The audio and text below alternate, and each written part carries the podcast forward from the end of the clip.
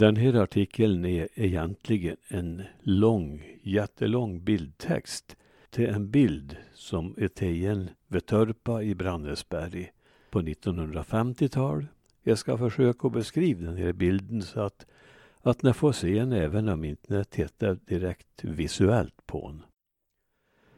Bilden och bildtexten var med i Värmlandsbygden den 17 juni 2005.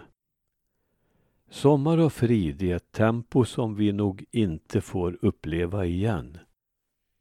Jag hittar en bild i min mors och fars gamla fotoalbum som fyller mig med en sällsynt lyckokänsla. Barndomens trygghet finns samlad på ett foto i en underbar sommarmiljö.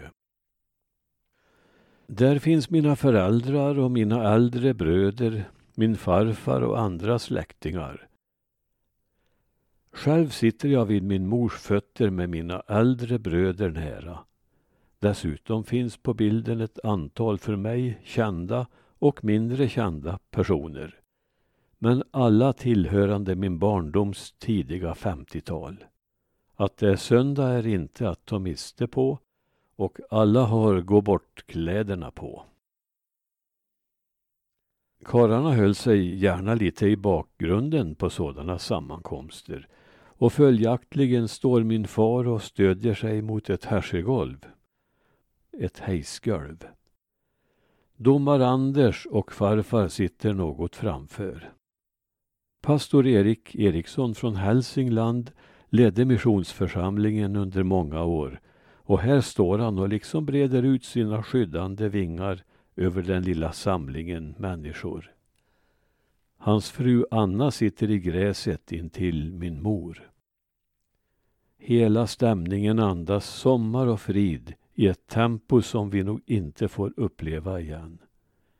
Sommardagen var så vacker som sommardagarna alltid var i barndomen och det bönemöte vid Torpolletorp i Brannesberget. Visst kan man höra fågelkvitter och humlesurr och känna doften av gräs och blommor. Snart får vi höra pastor Eriksson hålla en predikan med darr på stämman följd av läsarsång till Ida Mattssons ackompanjemang på gitarr. Torpet skymtar i kanten med blommor i rabatten. De tre syskonen, de sista boende i torpet, står uppklädda och fina intill Eriksson.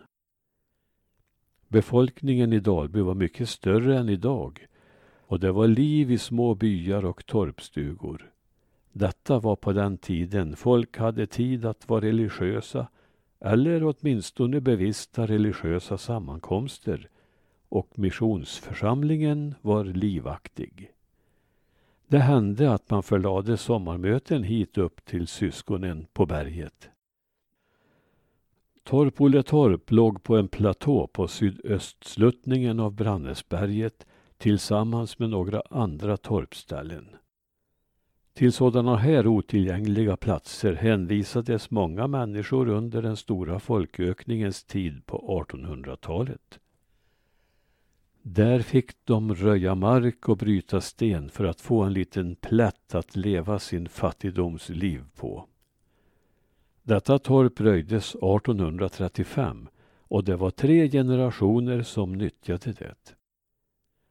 Arrendet var sex arbetsveckor varje år hos systugan, systuga, som ägde marken. De sista brukarna var Karin, Marcus och Maria Olsson, de tre syskonen som är med på bilden.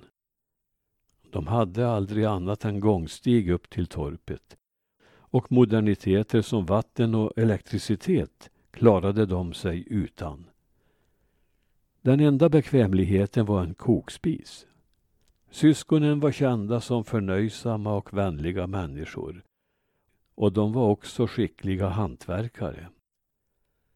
Särskilt Maria gjorde sig känd som vantmakerska och gjorde Dalbyvantar i stort antal.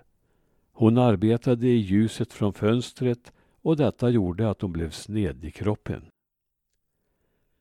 Ända fram till den 27 november 1957 orkade syskonen bo kvar på torpet som var det sista bebodda i denna torpby. Stugan flyttades sedan till Dalby hembygdsgård där den finns som en rest från en epok som jag hann skymta slutet av som barn.